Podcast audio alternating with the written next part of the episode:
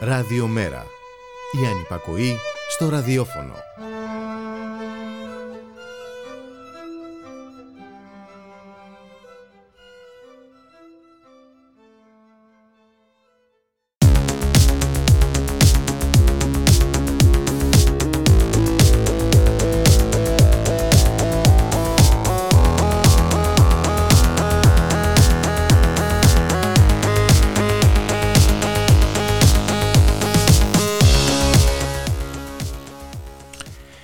Αργήσαμε λίγο για σας, αργήσαμε λίγο παραπάνω σήμερα ε, και άλλο ένα παραλαφούς ξεκινάει με την Πάουλα Ρεβενιώτη, στην αρχισυνταξία ο Τάκης Κουρκουρίκης και στον ήχο η Χαρά Στόμκα.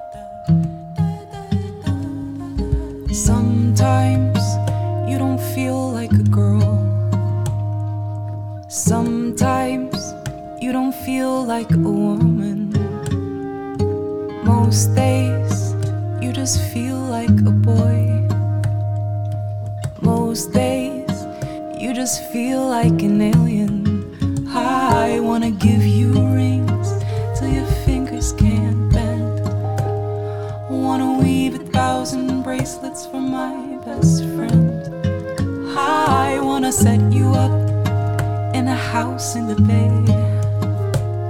I wanna frame and hang a picture of this someday. I don't have to call you girlfriend.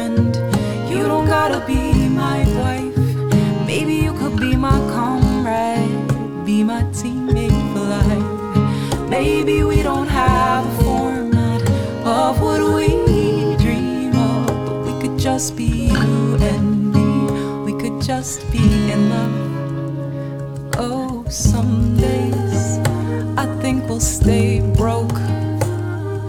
Some days I think that we'll thrive. Ooh, sometimes I hate how we're living. Oh, most days I feel rich by your side.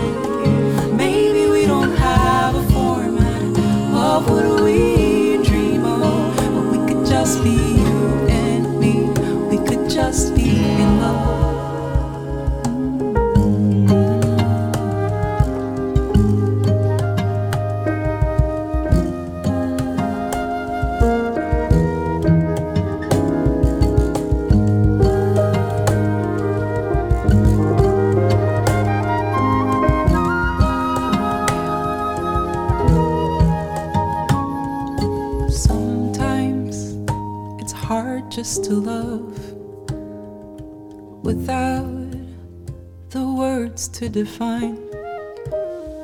But maybe you and me could get by. Somehow, I think we'll be fine. Απόψε έχω καλεσμένη στο στούντιο τη Ρινιό Σιμεωνίδου, Ακτιβίστρια ανθρωπίνων δικαιωμάτων και γραμματέα του Σωματείου Ίντερσεξ, για να μας μιλήσει για τις δυσκολίες που αντιμετωπίζουν τα ίντερσεξ, τα ίντερσεξ άτομα στη χώρα μας. Σε καλωσορίζω και ευχαριστώ που Ρινιό που δέχτηκε στην πρόταση να μιλήσουμε πάνω σε αυτό το θέμα. Και εγώ σε ευχαριστώ. Καλησπέρα. Α, χαίρομαι πάρα πολύ που θα τα πούμε απόψε.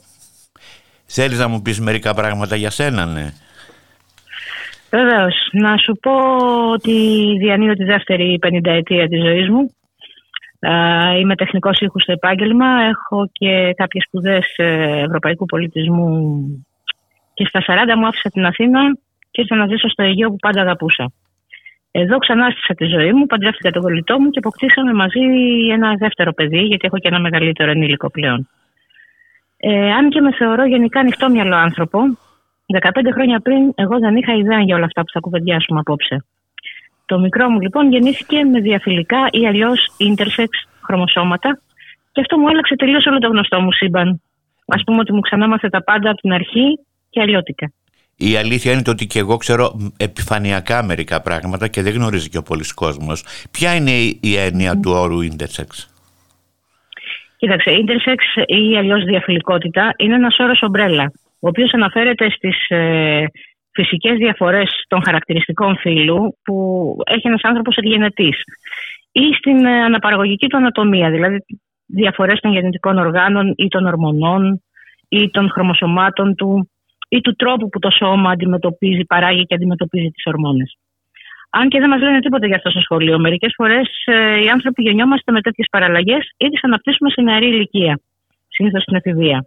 Τα γενετικά όργανα, οι ορμόνες, η εσωτερική ανατομία ή τα χρωμοσώματά μας μπορούν να αναπτυχθούν με πολλούς διαφορετικούς τρόπους.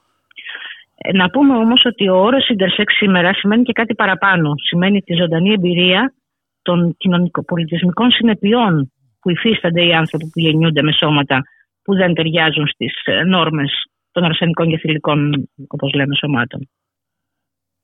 Εσύ σαν μητέρα παιδιού, πώς χειρίστηκες αυτή την κατάσταση όταν σου ανακοίνωσαν ότι είναι το παιδί σου ίντεσεξ. Σε φόβησαν οι γιατροί. Κοίταξε, μακάρι να μου λέγανε εξ αρχή ότι το μωρό μου είναι ίντερσεξ. Ε, Δυστυχώ αυτόν τον όρο δεν τον χρησιμοποιούν ε, οι γιατροί από το 2006 και μετά. Αλλά μιλούν για DSD, για Disorders of Sex Development, δηλαδή για διαταραχές ανάπτυξης φύλου. Έτσι λοιπόν όταν η αμνιοκέντηση έδειξε ότι το μωρό μου αντί να έχει χ-ύψιλον χρωμοσώματα όπως τα αγόρια ή χ-χ όπως τα κορίτσια, το μωρό μου ανακαλύψαμε ότι είχε χ-χ-ύψιλον χρωμοσώματα, δηλαδή ένα χ επιπλέον. Και τότε δύο τοπικοί γιατροί μας κατατρομοκράτησαν με διάφορα άκυρα. Μας είπαν πως θα είναι ένα τέρας της φύσης, ένα λάθος της φύσης, πως θα μας βγει γκέι και ότι έπρεπε οπωσδήποτε λέει, να τερματίσουμε την εγκυμοσύνη μου εγώ στον πέμπτο μήνα εντωμεταξύ. Στην πραγματικότητα οι άνθρωποι δεν είχαν ιδέα για τι πράγμα μιλούσαν. Ε, ξέρανε κάποια λίγα πράγματα από τη δεκαετία του 50, ε, στερεοτυπικά τα περισσότερα. Οπότε, πώς του αντιμετώπισα, εμείς έχοντας ένα, ξέροντας ότι το εμβριάκι μου είναι απόλυτα υγιές και ήταν και πολύ επιθυμητό, αρχίσαμε να ψάχνουμε μόνοι μας. Και ανακαλύψαμε ανθρώπους σαν το παιδί μας, ενηλικές, μοιραστήκανε μαζί, τους, μαζί μας τη γνώση τους ε, και ό,τι, ε, τη ζωή τους γενικά και καταλάβαμε πως ούτε τόσο σπάνιο ήταν αυτό που συνέβαινε στο παιδί μας, ούτε υπήρχε και ο παραμικρός σοβαρός λόγος να μην το γεννήσουμε, πέραν από τη νομοφοβία και την ιντερφοβία που βγάλαν αυτοί οι γιατροί. Φαντάσου δηλαδή, ε, φαντάσου οικογένειες οι οποίες δεν είχαν την παιδεία τη δική σου, δηλαδή πώς. Θα... Ακριβώς, ακριβώς αυτό. Οι οικογένειες που δεν γνωρίζαν αγγλικά. Γιατί ευτυχώς βρέθηκε τότε κάποιος γιατρός να μου πει ψάξτο, αλλά στα αγγλικά. Είναι εντάξει το παιδί μου, είπε. Ε, αλλά πρέπει να ψάξεις τα αγγλικά για να βρεις πληροφορίες έγκυρες. Και τι συμβαίνει τώρα; Από το 2006 και μετά ε, οι γιατροί, όλη η ιατρική κοινότητα συμφώνησε να μην λέει intersex, που είχε αρχίσει ήδη να γίνεται ακτιβιστικός όρος, αλλά να λέει DSD. Όταν λοιπόν λες ένα γονιό ότι αντί να του πεις συγχαρητήρια, έχεις ένα υγιές intersex μωρό, ε, γυρίζεις και του λες ότι ξέρεις, ε, έχεις ένα παιδί με διαταραχή της ανάπτυξης φύλου, εκεί αυτόματα ξεκινάει το, ναι, μπορούμε να το φτιάξουμε όμως. Ναι. ναι. Καταλαβαίνεις. Εκεί αρχίζει το πρόβλημα. Άρα η ορολογία θέτει, θέτει πρόβλημα. Ίντερ άτομα όμως υπήρχαν ανέκαθεν, έτσι. Υπάρχουν καταγεγραμμένες περιπτώσεις ιστορικά. Ου, φυσικά, εννοείται υπάρχουν. Οι ίντερ άνθρωποι υπήρχαν από την αρχή του είδους μας και θα υπάρχουν όσο υπάρχουμε οι άνθρωποι. Ε, έχουμε σταθερά ιστορικές καταγραφές και μαρτυρίες για άτομα με μη τυπικά χαρακτηριστικά φύλου από τους αρχαιότερους πολιτισμούς, από τη Μεσοποταμία, από πολιτισμούς της Ασίας και πολύ αργότερα της αρχαίας Ελλάδας και της Ευρώπης. Οι ιστορίες για ανθρώπους με μεικτά χαρακτηριστικά φύλου διατρέχουν ολόκληρη την ανθρώπινη ιστορία. Πώς αντιμετώπιζε οι, πιο αρχαίες κοινωνίες τα intersex άτομα και πώς σήμερα, ποιες είναι οι διαφορές; Ε, σχεδόν σε κάθε πολιτισμό της αρχαιότητας πιο συχνά τα άτομα αυτά έχεραν σεβασμού παρά φόβου. Ε, σε κάποιες περιπτώσεις λατρεύονταν σαν ε, ε, ιερείς, μάγοι κλπ. Καθώς θεωρούνταν και σωστά κατά τη γνώμη μου ότι συνδύαζαν τα αντίθετα και εξέφραζαν την ολότητα που κρύβεται μέσα στις αντιθέσεις. Είχαν δηλαδή την ελευθερία να ζουν όπως θέλουν. Αυτό βέβαια άλλαξε απότομα από το γύρω στο 18ο, αρχές 19ου αιώνα, όταν η ιατροδικαστική και η ιατρική εξουσία άρχισε να τα μελετά ως πειραματόζωα καταρχήν και έπειτα να έχει άποψη πάνω τους και στο σε ποιο φύλλο από τα δύο ε, θα πρέπει να ανήκουν. Εκεί αρχίζουν τα προβλήματα με την, ε, αφενός με την γραφειοκρατία και αφετέρου με την ε, ιατρική εξουσία που επεμβαίνει και λέει στους γονείς σαν τι πρέπει να μεγαλώσουν το παιδί τους. Κάτι που δεν συνέβαινε δηλαδή πιο πριν. Να ακούσουμε ένα τραγούδι και να συνεχίσουμε. Αμέ. Ωραία.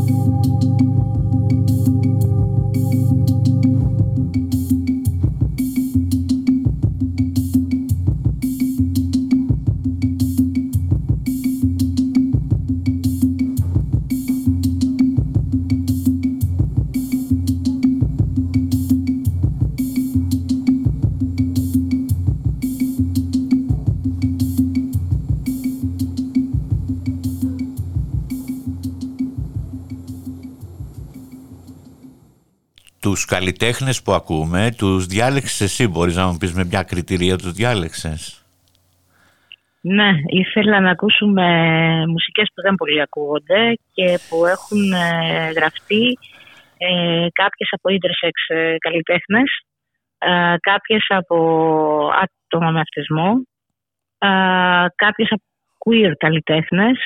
Γενικά ήθελα έτσι να δώσουμε λίγο αέρας στις φωνές τους και, καλά.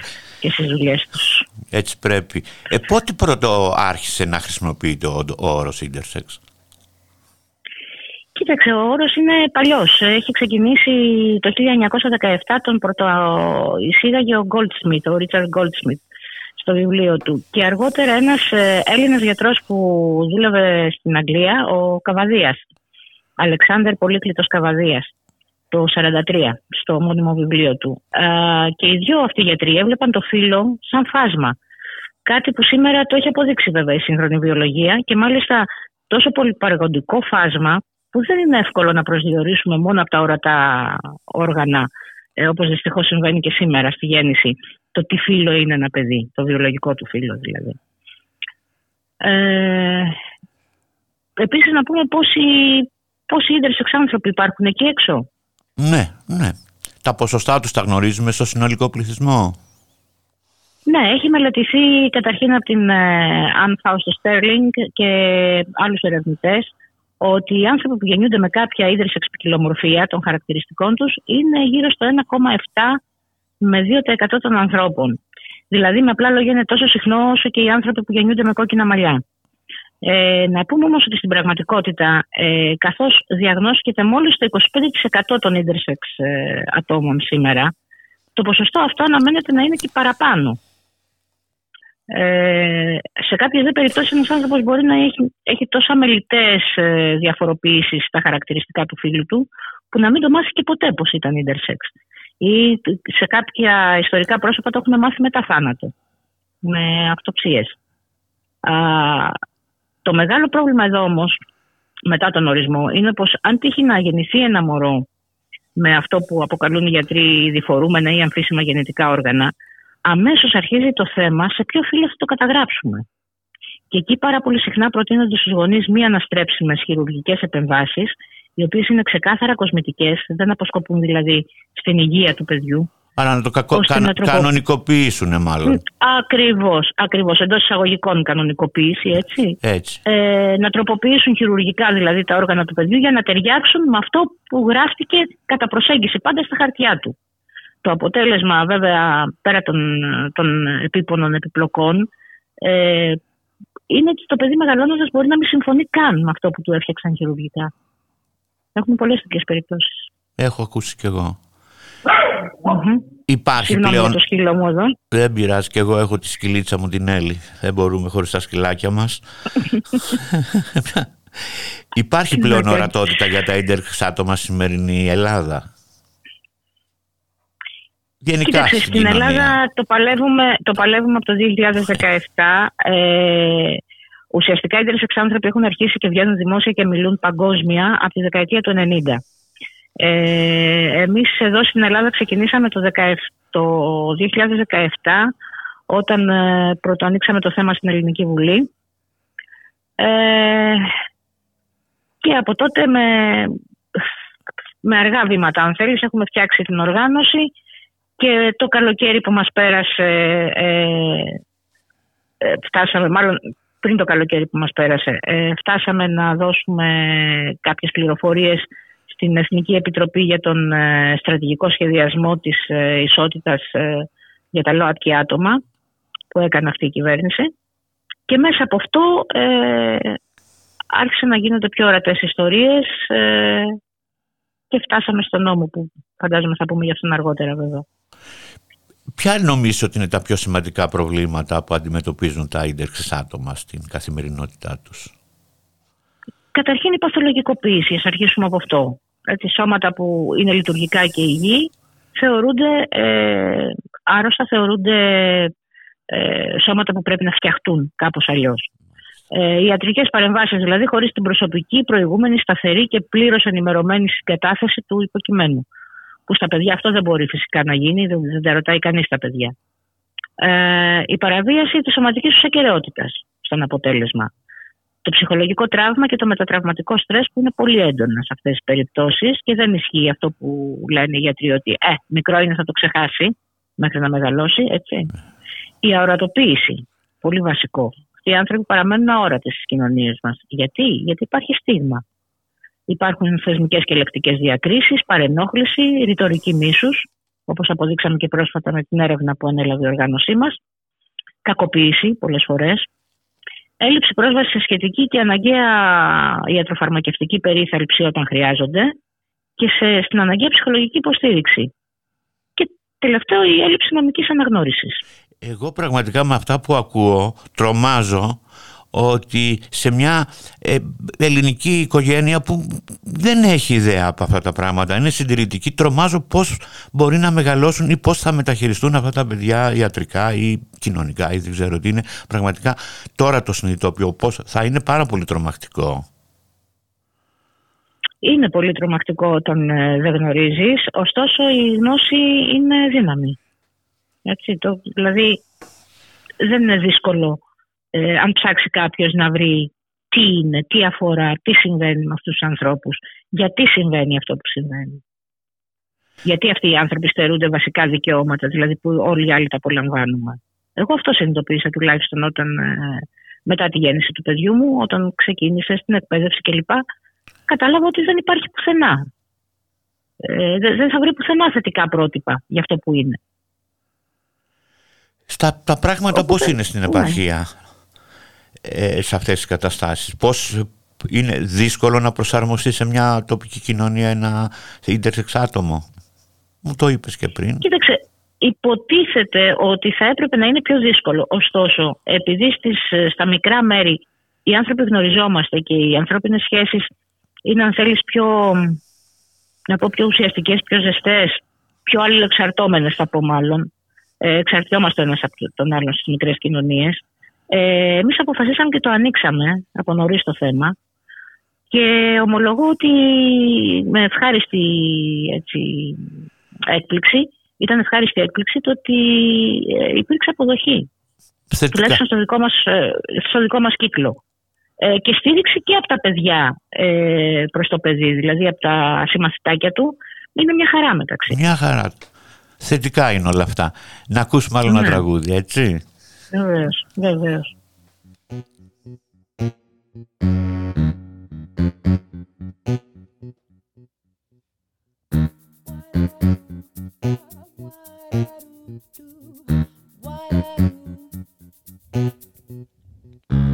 I woke up in the city, hungover, gross and gritty. I yawned aloud and turned my head. A vision of perfection, object of my obsession, is sleeping soundly in my bed. A goddess sound asleep, I gasp in disbelief. She keeps her eyes closed as she sighs. I'm really glad we met. You want me to make breakfast? What kind of omelet would you like? Then she says, This feels. Somehow this feels right. I say, baby, you got lost. Because I am not your, I am not your type. I'm not the perfect girl you've been looking for. Find another. I'm not the kind you like. I know I'm not that kind of lover. I don't know what it is you think you see, but what you want, you will not get with me. Got girls like ghosts that haunt you. Get anything you want to. I'm sure I have nothing to give, give. I'm so out of your league, I'm not even in your sea. I think about the life we'd live well. I'd fart when we're together. I won't wear high heels ever. I'll cut off all my pretty hair. I'll have a beer obsession. I'll talk about oppression. Your friends hate it and I don't care. Still, she says this feels good. Somehow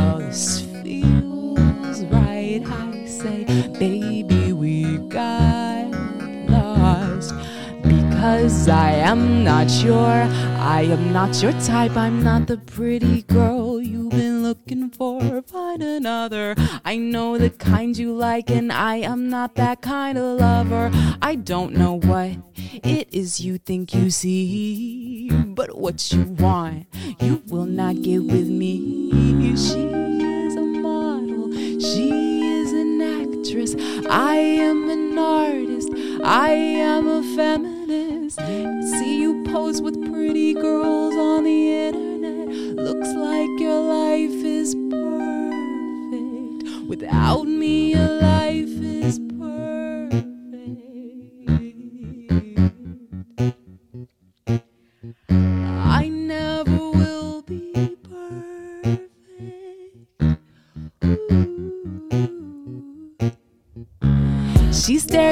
Too long, then laughs and says you're wrong. I feel her body much too close. She pulls me in to kiss me, all this to me a mystery. She is the prince and I'm the toad. I'm not the perfect girl you've been looking for. Find another. I know the kind you like, and I am not that kind of lover. I don't know what it is you think you see, but what you want, you will not get with me.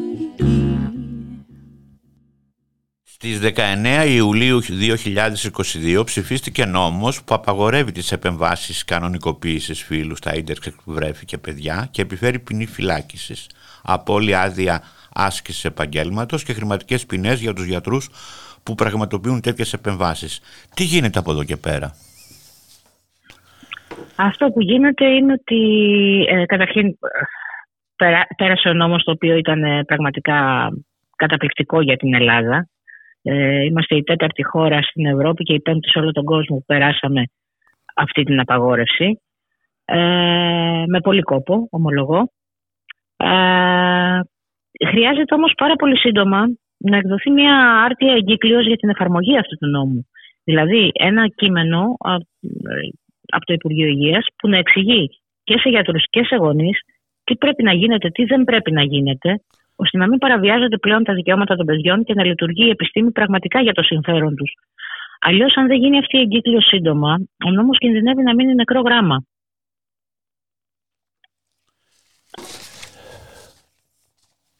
Είμαστε πολύ πίσω πάντως ε, σαν κοινωνία ακόμη. Ε, είναι πολύ καλύτερα τα πράγματα σε άλλες κοινωνίες;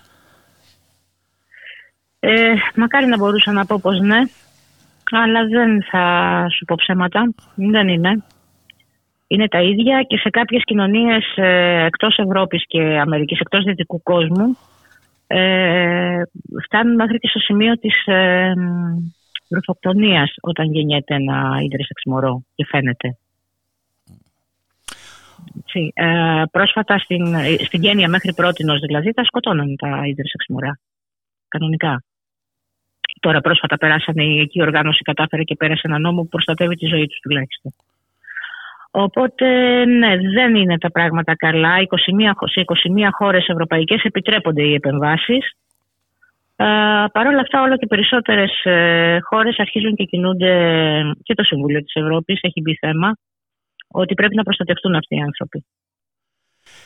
Να σε ρωτήσω, όροι όπως ερμαφρόδιτα ή μεσοφιλικά άτομα πόσο δόκιμοι είναι όταν αναφερόμαστε σε ίντερχεξ ανθρώπους; Καθόλου δόκιμοι. Οι όροι αυτοί είναι καταρχήν ιστορικά το ερμαφρόδιτο ιστορικά είναι επιβαρημένο. Έτσι, μέχρι και προσβλητικά το χρησιμοποιούμε σήμερα, λέμε ερμαφρόδιτη πολιτική κλπ. Ε, οι όροι λοιπόν είναι άκυροι επιστημονικά επίσης, ε, καθώς δεν υπάρχουν ε, ερμαφρόδιτα πρωτεύοντα ελαστικά. Είναι καταχρηστική η χρήση, στην, ε, ακόμα και αν το χρησιμοποιούν οι γιατροί. Ε, ούτε άνθρωποι ερμαφρόδιτοι υπάρχουν λοιπόν. Ε, ούτε υπάρχει κάποιο νοητό ή πρακτικό μέσο στο συνεχές του βιολογικού φύλου, για να λέμε μεσοφιλικά. Το μεσοφιλικό επίσης ε, είναι και λίγο χάσιμο στη μετάφραση, γιατί μεταφράζει το αγγλικό middle sex και όχι το, τη λέξη intersex, που σημαίνει διαφιλικό. Α το συνηθίσουμε σιγά σιγά και στην Ελλάδα, ελπίζουμε. Εμείς έχουμε επιλέξει, η κοινότητα δηλαδή έχει επιλέξει να χρησιμοποιείται στα ελληνικά ε, και το Συμβούλιο της Ευρώπης μεταφράσεις του το έχει υιοθετήσει όρος intersex ελληνοποιημένος. Γιατί είναι ένας διεθνής όρος που ξεκαθαρίζει ε, για τι πράγμα μιλάμε και δεν μπλέκεται με ας πούμε το διαφυλικό που είναι η μετάφραση μπλέκει με το διεμφυλικό που σημαίνει τα τρανς άτομα. Ποια είναι η διαφορά λοιπόν των τρανς ατόμων από τα intersex άτομα; Έχει να κάνει με δύο διαφορετικά πράγματα. Μμ. Ε, τρανς άτομα είναι τα άτομα που δεν συμφωνούν με την ταυτότητα φύλου, όπως ξέρεις, που τους δόθηκε στη γέννηση. Ωραία. Ε, τα ίντερσεξ άτομα, απ' την άλλη, είναι τα άτομα εκείνα που γεννήθηκαν με σώματα που τα χαρακτηριστικά τους δεν ταιριάζουν στις νόρμες του σιλικού και του αρσενικού. Δηλαδή για τελείως διαφορετικές καταστάσεις. Οι ίντερσεξ άνθρωποι, να πούμε εδώ ότι όπως και κάθε άνθρωπος, ίντερσεξ ή όχι, μπορούν να έχουν οποιαδήποτε ταυτότητα φύλου και οποιονδήποτε σεξουαλικό προσανατολισμό. Δηλαδή το να είναι κάποιος intersex δεν σημαίνει σε καμία περίπτωση ότι θα είναι και τρανς, μπορεί να είναι και τρανς, μπορεί να τύχει, αλλά δεν σημαίνει ότι απαραίτητα θα είναι τρανς ή ότι ε, θα είναι ε, ομοφυλόφιλο άτομο. Μπορεί να είναι, μπορεί και να μην είναι. Αλλά αυτό ισχύει για, για κάθε άνθρωπο. Αυτά τα πράγματα δεν πρέπει να τα μαθαίνουν και στο σχολείο να υπάρχει μια εκπαίδευση πάνω σε αυτά. Ε, πες μου, δεν πρέπει. Δεν γίνεται τίποτα. Εννοείται ότι πρέπει. Εννοείται ότι πρέπει, αλλά για να γίνει αυτό χρειάζεται πολιτική βούληση, για να πούμε τα πράγματα με το όνομά τους, έτσι. Η σεξουαλική εκπαίδευση στην Ελλάδα είναι πρακτικά ανύπαρκτη. Mm. Εδώ και 8 δεκαετίες συζητιέται ξανά και ξανά αλλά εμποδίζεται κάθε φορά για να μπει σαν υποχρεωτικό μάθημα εννοώ και να μπει στα σχολεία κάθε βαθμίδας, εμποδίζεται κάθε φορά είτε από συντηρητικούς πολιτικούς κύκλους του Υπουργείου Παιδείας και φυσικά εμποδίζεται από την Εκκλησία. Όσο λοιπόν και αν θέλουμε μια συμπεριληπτική και ειρηνική μελλοντική κοινωνία, μια κοινωνία χωρίς εξισμό, χωρίς παιδική κακοποίηση και εφηβικέ εγκυμοσύνες και με υγιείς ανθρώπινες σχέσεις, γιατί όλα αυτά τα εμπεριέχει σεξουαλική εκπαίδευση, ε, είναι απαραίτητο να μπει αυτό το μάθημα στα παιδιά και μάλιστα από νωρίς. Γιατί ε, αν δεν μπει από νωρίς και προλάβουν τα πατριαρχικά και σεξιστικά στερεότυπα να τους γεμίσουν το μυαλό με προκατάληψη και με φόβο για το διαφορετικό, τότε δεν έχει κανένα νόημα μετά. Τι θα ήθελα να πεις που δεν σε ρώτησα εγώ που ήταν σημαντικό και το ξέχασα, γιατί... Κάτσε να πιω λίγο νεράκι. Να πιείς. Ε... Να σε ρωτήσω κάτι άλλο. Ένα παιδί, πώς τη βιώνει όλη ναι. αυτή την κατάσταση ψυχολογικά; Μπορείς να μου πεις για το, λίγο για το προσωπικό σου βίωμα; Πολύ καλή ερώτηση. Ε, θα σου πω κάτι πολύ χαρακτηριστικό που εμάς μας κούνησε σαν γονείς, μας κλώνησε. Ε, μέχρι να μιλήσουμε στο παιδί και να του εξηγήσουμε τι του συμβαίνει, ε, το παιδί κόντευε να, να φτάσει σε, στα πρόθυρα παιδικής ε, κατάθλιψης διότι μας είχαν φοβήσει οι γιατροί και τρέχαμε κάθε τρεις και λίγο για προληπτικές εξετάσεις, όλες καθαρές. Αλλά καταλαβαίνεις, γονείς είμαστε, φοβηθήκαμε, μπαίναμε στα νοσοκομεία να δούμε ότι όλα, να βεβαιωθούμε ότι όλα είναι καλά. Αυτά μέχρι τα 4-5 χρόνια του παιδιού. Όπου επιτέλους βεβαιωθήκαμε ότι δεν υπάρχει λόγος να το τραβάμε το παιδί κάθε τρεις και λίγο. Και ε, γύρω στα 5-6 του μιλήσαμε, το εξήγησα εγώ τι συμβαίνει με τα χρωμοσώματα των ανθρώπων και ότι υπάρχει και αυτό, υπάρχει και εκείνο, υπάρχουν όλοι οι δυνατοί συνδυασμοί. Και το παιδάκι αμέσως έγινε άλλο παιδί, δηλαδή ανακουφίστηκε. Μου λέει: Μαμά, δεν είμαι άρρωστο. Σηματάκια μου του λέω: Φυσικά και δεν είσαι άρρωστο. Είναι, είναι δηλαδή πολύ σημαντικό να ξέρουν τα παιδιά ε, κάθε παιδί με διαφορετικότητα. Ε, δεν μιλάμε τώρα μόνο για τα ίντερσεξ, έτσι. Τυχερό Εδώ είναι και στα παιδιά τα υιοθετημένα. Είναι τυχερό που είχε τέτοια μαμά. Ε, βέβαια. Δεν ξέρω αν είναι τυχερό να σου πω κάτι. Μπαίνεις στο χορό και χορεύεις. Εγώ αυτό καταλαβαίνω. Ε, έτσι. Δηλαδή θα μπορούσα να, να δράσω διαφορετικά. Είναι ένας άνθρωπος που ανήκει στον εαυτό του. Δεν είναι δικιά μου ιδιοκτησία. Έχεις αυτό που οι γονείς τα βλέπουμε τα παιδιά σαν ιδιοκτησία, αυτό πρέπει λίγο να το. Να το μαζέψουμε μάλλον. Να σου πω, σαν μάνα, σε τρομάζει το mm. ενδεχόμενο να υποστεί bullying στο μέλλον. Oh. Κοίταξε, με τρόμαζε σε ένα σημείο στην αρχή, με τρόμαζε πολύ. Ε, όμως το παιδί αυτό έχει ενδυναμωθεί τόσο από την ε, ψυχολόγο που βλέπει, ε, όσο καλά από εμάς εννοείται, αλλά το έχω φέρει σε επαφή, το παιδί αυτό γνωρίζει πολλούς ανθρώπους σαν το ίδιο, διαφόρων ηλικιών. Ε, πάμε στο εξωτερικό σε συναντήσεις ε, ακτιβιστικές μαζί και σιγά σιγά έχει όχι μόνο, ε, δεν τον, όχι μόνο μπορεί να απαντήσει στο, στο bullying ας πούμε και να τους πει ότι ναι αλλά εγώ έτσι είμαι. Τέλος. Ε, αλλά νιώθει και περήφανο για τον εαυτό του. Να ακούσουμε άλλο ένα ε, τραγούδι. Το θέμα είναι ότι, Α, ναι. Όχι, πες, το, το θέμα είναι μόνο ότι, ότι αυτό δεν συμβαίνει με όλα τα παιδιά. Έτσι είναι. Μακάρι αυτό να μπορούσε να συμβεί σε όλα τα intersex παιδιά. Να ακούσουμε άλλο ένα τραγούδι. Βεβαίως.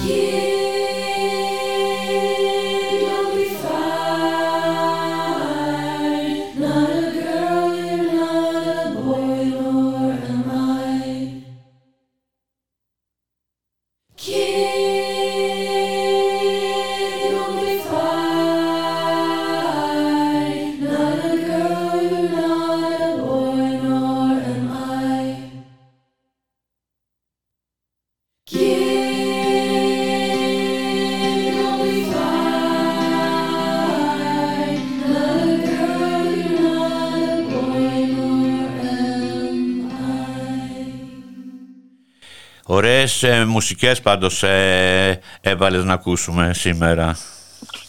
Χαίρομαι που σου αρέσουν. Το συγκεκριμένο είναι από το άτομο που λέγεται Aimer και γράφει τραγούδια για μη διαδικά ε, άτομα, νεαρά άτομα. Και αυτό είναι το πιο χαρακτηριστικό του και το αγαπάω πάρα πολύ. Να σε ρωτήσω, η ΛΟΑΤΚΙ κοινότητα αγκαλιάζει τα intersex παιδιά; Γιατί. Κοίταξε, η κοινότητα. Ναι, πες Γιατί πες στο, βί, στο βίωμά μου, εγώ στο παρελθόν, ας πούμε, εμάς δεν μας αφήναν ούτε σε γκέι μπαρ να πάμε τις τρανς. Θέλω να σου πω. Ναι, τα, τα ξέρω, τα θυμάμαι αν θες, αλλά. Τώρα, σήμερα τι γίνεται. πάλι με τη γνώση. Με τη γνώση έχει να κάνει. Οι οργανώσεις που, οι ΛΟΑΤ οργανώσεις που μαθαίνουν και κατανοούν τι είναι και τι αφορά ε, σαφέστατα αρχίζουν και γίνονται πιο συμπεριληπτικές και μιλάνε για τα χαρακτηριστικά φύλου. Ε, πλάι στην ταυτότητα φύλου και πλάι στον σεξουαλικό προσανατολισμό προσθέτουν όπως πρέπει και τα χαρακτηριστικά φύλου που σημαίνει τα intersex άτομα. Ε, αλλά αυτό γίνεται ε, σιγά σιγά. Ε, βέβαια έχουμε πολλά κοινά ε, στα αιτήματα ε, οπότε μόνο προς συμφέρον όλων των κοινοτήτων και της ΛΟΑΤ κοινότητας και της intersex κοινότητας είναι η συνεργασία και η αποδοχή βεβαίως. Από τους μεν στους δε. Έτσι ακριβώς. Μόνο έτσι θα προχωρήσουμε. Να σου πω, τι θα συμβούλευες εσύ τις, ε, γιατί οι intersex παιδιά θα γεννιούνται και θα γεννιούνται ε, τους γονείς που ε, έχουν ένα τέτοιο παιδί; Ε, καταρχήν να αγαπάνε τα παιδιά τους ανεφόρων. Είναι πολύ βασικό στη γονεϊκότητα αυτό να μπορέσεις να αγαπήσεις το παιδί σου χωρίς αλλά. Δεν μπορεί να αγαπάω το παιδί μου αν είναι ένα τυπικό αγόρι, αλλά να, να δυσκολεύομαι να το αγαπήσω αν τα, τα όργανα ή τα χρωμοσώματα ή οι ορμόνες τους δεν είναι οι τυπικές. Δεν στέκει αυτό το πράγμα. Στο μυαλό το δικό μου τουλάχιστον. Έτσι. Ε, να αγκαλιάσουν τα παιδιά τους και να τα αγαπήσουν ως έχουν. Όχι ως θα θέλανε να είναι. Ξέρεις, καμιά φορά φανταζόμαστε οι γονείς το τέλειο παιδί. Τέλειο με τα στάνταρ και τις ε, στερεοτυπίες που μεταφέρει ο καθένας μας, έτσι. Ε, δεν υπάρχουν τέλεια άτομα. Δεν υπάρχει κανείς δεν είναι τέλειος. οπότε όταν ξαφνικά οι γιατροί σου λένε ότι όψ, εδώ υπάρχει ένα πρόβλημα, αρχίζεις και τρελαίνεσαι. Λοιπόν, δεν θέλει, θέλει ψυχραιμία.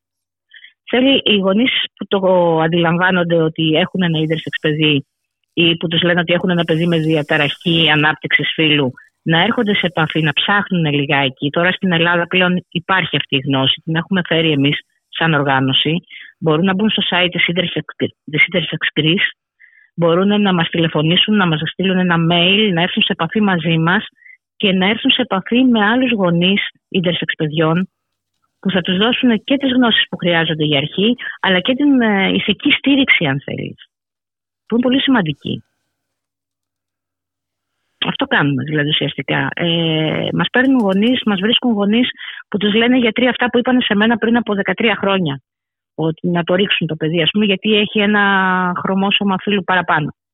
Και μιλάμε με αυτούς τους ανθρώπους και στις περισσότερες περιπτώσεις προχωράνε την εγκυμοσύνη γιατί εμπιστεύονται και καταλαβαίνουν ότι δεν υπάρχει λόγος να το χάσουν το εμβριάκι τους. Πραγματικά κανένας λόγος. Είναι και το τι θα πει η κοινωνία, τέλος πάντων. Ε, πώς τι ήταν... θα πει η κοινωνία μωρέ για το παιδί μας, δεν ε, ξέρω. Ε, ε, μακάρι να ήταν τόσο... Και η κοινωνία, να σου πω κάτι, εμείς είμαστε η κοινωνία στο φινάλε. Εμείς τη διαμορφώνουμε την κοινωνία. Πάντως και αυτό που μπορούμε όλοι μας να κάνουμε για αυτά τα άτομα, να σου πω εδώ, είναι να μιλάμε γι' αυτό. Να μπούμε, να διαβάσουμε, να μάθουμε και να μιλάμε, να συζητάμε γι' αυτό. Και είναι πολύ αυτό θα βοηθούσε πολύ. Και είναι πολύ σημαντικό αυτό που κάνετε. Πάρα πολύ σημαντικό. Πώς ήταν η εμπειρία σου να μιλάς στην Ελληνική Βουλή πάνω σε αυτό το θέμα, Καταλάβαιναν οι βουλευτές αυτά που έλεγες; Κοίταξε, το 2017 ο τότε Υπουργός Δικαιοσύνης δεν κατάλαβε τίποτα. Δυστυχώς. Παρότι είχα και κατηδίαν συζήτηση μαζί του και από το βήμα δημόσια, ε, δυστυχώς δεν κατάλαβε γιατί μιλάγαμε. Ε, αυτή τη φορά τώρα το, το καλοκαίρι που ξαναμίλησα στη Βουλή ε, υπήρξε περισσότερη κατανόηση, ίσως γιατί είχε γίνει και όλη αυτή η δουλειά από εμάς πριν, πριν από τη Βουλή. Ε, και το βασικό είναι ότι το, τα άρθρα αυτά που απαγορεύουν τις ε, ιατρικές παρεμβάσεις ε, στα intersex παιδιά τα ψήφισαν, ε, τουλάχιστον δεν τα ψήφισαν αρνητικά, ψήφισαν θετικά όλα τα δημοκρατικά κόμματα στη Βουλή. Αυτά που λογίζονται ως δημοκρατικά τουλάχιστον. Έτσι, αυτό ήταν πολύ καλό που σημαίνει ότι αλλάζουν τα πράγματα στην Ελλάδα και είτε κατάλαβαν είτε όχι κάποιοι πολιτικοί εμπιστεύτηκαν ότι εδώ πρόκειται ε, δημιουργούμε παιδιά με τραύματα χωρίς λογοκαιτία και το εμπιστεύτηκαν αυτό και τα ψήφισαν αυτά τα προστατευτικά άρθρα. όλα αυτά βλέπουμε ότι η κοινωνία προχωράει, θέλουμε, δεν θέλουμε, θέλουμε, δεν θέλουμε μερικοί. Ε, να σε ρωτήσω, η ιατρική έχει αλλάξει τρόπο αντιμετώπισης; Αλλάζει πάρα πολύ αργά. Η ιατρική κοινότητα έχει μείνει δυστυχώς στα, στα πρότυπα, στα πρωτόκολλα, αν θέλεις, και μάλιστα σιωπηρά πρωτόκολλα, κανένας δεν το συζητάει ανοιχτά, του Τζον Μάνεϊ, του σεξολόγου του Αμερικανού από τη δεκαετία του 1950, που είχε κάνει εκείνο το πείραμα με τα δύο αδέρφια, ε, τους αδερφούς Ρέιμερ, ε, και είχε φτιάξει στον έναν που είχε καταστραφεί το πέος του από μια περιτομή που είχε γίνει τότε οι πρώτες με λέιζερ. Ε, επειδή είχε καταστραφεί το, το όργανο, του έπεισε τους γονείς να το θηλυκοποιήσει χειρουργικά, να μην του πούνε τίποτα και να το μεγαλώσει σαν κορίτσι. Αυτό όμως απέτυχε παταγωδός καθώς και τα δύο αδέρφια στην ε, ενηλικίωσή τους αυτοκτόνησαν. Και οι αιτίες ανάγονται ε, σε αυτά που είχαν περάσει στα χέρια του Μάνι. Ε, Παρ' όλα αυτά η ιατρική κοινότητα συνέχισε για τα επόμενα 50 χρόνια και βάλε να εφαρμόζει αυτά τα πρωτόκολλα στα intersex παιδιά. Δηλαδή αυτός τι έλεγε; Αυτός έλεγε ότι τα παιδιά ε, θα μεγαλώσουν, θα έχουν το φύλλο που θα τους πούμε εμείς που θα τους διδάξουμε εμείς, αρκεί να ταιριάζει με τα γενετικά τους όργανα. Αυτό σήμερα ξέρουμε ότι δεν ισχύει. Και ήταν και... Οι άνθρωποι γεννιόμαστε. Παράλογο. Ναι, οι άνθρωποι γεννιόμαστε με έναν ακριβώς, με έναν έμφυλο εγκέφαλο, ήδη διαμορφωμένο. Πολύ λίγο μπορεί μεταγεννητικά να μας επηρεάσει στην ταυτότητα φίλου και σε όλα αυτά. Οπότε δεν έχει κανένα νόημα να διατηρείται αυτό το πρωτόκολλο. Υπάρχουν γιατροί που έχουν εφερθεί πάρα, πάρα πολύ περιφερνητικά με εκφράσεις άσχημες απέναντι σε αυτά τα άτομα. Σαφέστατα. Μέχρι και πρόσφατα. Ε, έχουμε καταγγελίες ε, από μέλη μας ε, απίστευτες. Να του λέει ο άλλος, στον άλλον ας πούμε ο γιατρός, να του λέει ότι έλα μωρέ, εντάξει, τι έχεις και εσύ τώρα, έχεις έναν όγκο στο κεφάλι και τι έγινε. Εσύ κανονικά δεν θα έπρεπε να έχεις γεννηθεί. Και να το λέει σε έναν άνθρωπο 40 χρονών. Έτσι. Ή έχουμε δασκάλους στο σχολείο, άλλη καταγγελία φοβερή, ας πούμε, που μπαίνει καθηγήτρια της βιολογίας να κάνει μάθημα και τους λέει ότι όλα τα γόρια γεννιούνται χ, με χ χρωμοσώματα, όλα τα κορίτσια με χ, Και σηκώνει το χεράκι της μια κοπελιά, intersex, χωρίς να πει τι είναι η ίδια. Και της λέει, ξέρετε, της λέει, υπάρχουν και κορίτσια όμως που έχουν χ χρωμοσώματα. Και να την προσβάλλει η καθηγήτρια και να της λέει δεν υπάρχουν αυτά που λες. Να της λέει ότι δεν υπάρχει. Συμβαίνουν τραγικά πράγματα, παιδιά. Πρέπει, δηλαδή, πρέπει η γνώση αυτή να μπει και στην ιατρική κοινότητα και στην εκπαιδευτική κοινότητα και στο πανεπιστήμιο. Δεν φτάνει να μας φωνάζουν ε, διάφορα παιδαγωγικά τμήματα προς τιμήν τους να μιλάμε γι' αυτό έτσι σε ένα σεμινάριο. Χρειάζεται να μεθοδευτεί η γνώση ε, και να σου πω εδώ και μια είδηση αν θέλεις ότι ήδη έχουν ξεκινήσει κάποια σεμινάρια όχι σε μεγάλη έκταση ακόμα, ε, στους δημόσιους υπαλλήλους για να ε, ε, διαμορφωθεί έτσι μια πιο συμπεριληπτική στάση γενικότερα απέναντι στα ΛΟΑΤΚΙ, αλλά μέσα σε αυτό είναι και το ΙΟΤΑ και στα, ε, και στα ίδρυς εξάτομα. Και αυτό είναι πολύ καλό, αλλά δεν ξέρουμε κατά πόσο θα περπατήσει. Μακάρι να περπατήσει αυτό.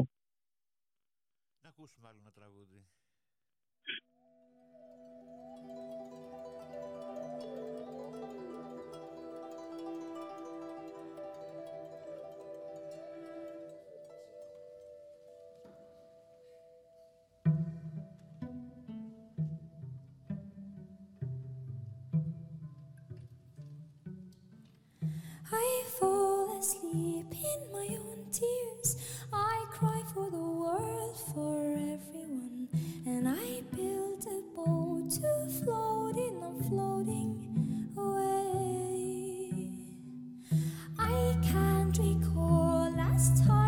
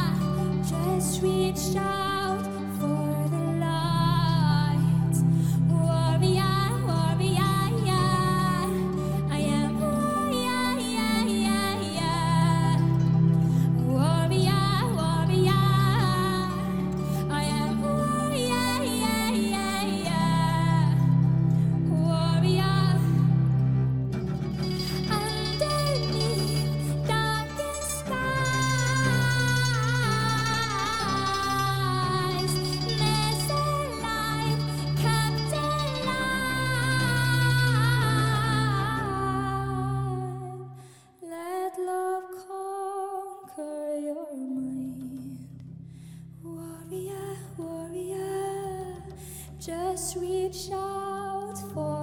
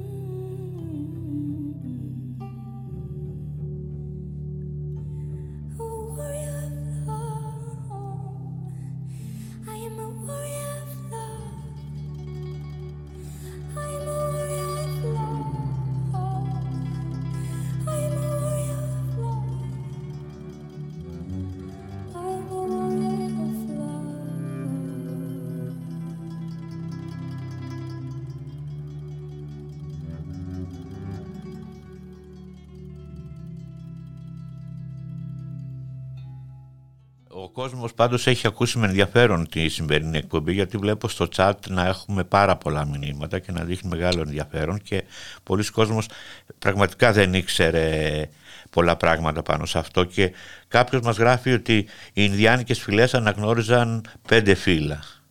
Πέντε φύλλα, σωστά. Ναι. Πολύ σωστά. Και άλλοι πολιτισμοί αναγνώριζαν από τρία και πάνω.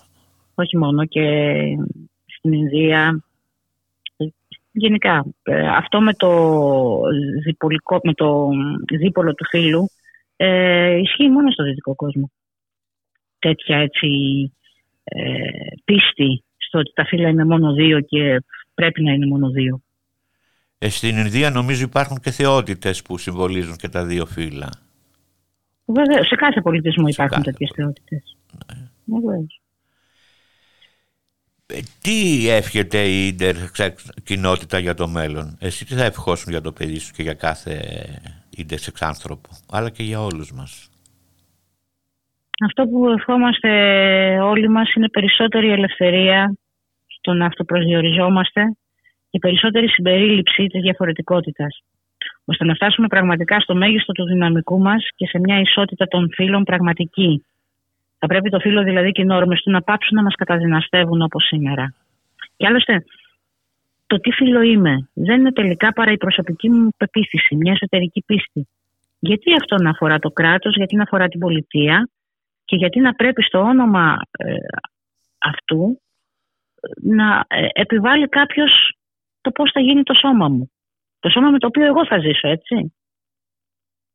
Έτσι ακριβώς. Έτσι ακριβώς.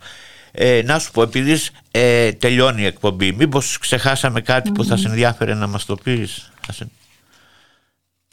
Κάτι μικρό για την ιστορία, να σας πω ότι στις 26 Οκτώβρη γιορτάζουμε κάθε χρόνο τη Διεθνή Μέρα Ίδρυσης Ευαισθητοποίησης και έχει να κάνει με τις πρώτες διαδηλώσεις που έγιναν στην Αμερική το, 96, το 1996 στη Μασακουσέτη όταν τα πρώτα, οι πρώτοι intersex ακτιβιστές βγήκαν και διαμαρτυρήθηκαν μπροστά στο συνέδριο της Αμερικανικής Ακαδημίας Παιδιατρικής. Και ότι στις 8, στο διάστημα μέχρι τις 8 Νοέμβρη, από τις 26 Οκτώβρη δηλαδή μέχρι τις 8 Νοέμβρη, ε, μιλάμε και είναι οι, οι εβδομάδες αυτές αφιερωμένες στα intersex ε, άτομα και στις 8 Νοέμβρη γιορτάζουμε τα γενέθλια του αν θέλετε, του πρώτου ανθρώπου που ταλαιπωρήθηκε από αυτές τις πρακτικές ε, που συμβαίνουν, της ε, Herculine Barbin, για την οποία έγραψε, βρήκε τα απομνημονέν βαντά ο Ταρτιέ και αργότερα τα πήρε ο Φουκό και τα εξέδωσε σε, σε βιβλίο. Είναι δύο σημαντικές μέρες που μας δίνουν την ευκαιρία έτσι να μιλήσουμε περισσότερο για όλα αυτά τα ζητήματα, για τα δικαιώματα των ίδρυσης ανθρώπων, με την ελπίδα να αποκατασταθούν κάποια στιγμή τα δικαιώματά τους και οι ζωές τους ε, σε ζωές με σημασία. Σε ευχαριστώ πάρα πολύ. Ήταν πάρα πολύ ενδιαφέρουσα η συζήτηση μαζί σου. Έμαθα και εγώ πράγματα όπως και ο κόσμος. Και ελπίζω να τα ξαναπούμε πάλι κανένα βραδάκι. Και εγώ το ελπίζω. Ήταν κύλησε πάρα πολύ ευχάριστα και σε ευχαριστώ από καρδιάς για αυτό το βήμα που μου έδωσες. Εγώ σε ευχαριστώ. Να είσαι καλά. Να είσαι. Καλό σας βράδυ. καλά. Καλό βράδυ. Καλό βράδυ. Γεια σας. Θα τα πούμε πάλι την άλλη πέμπτη.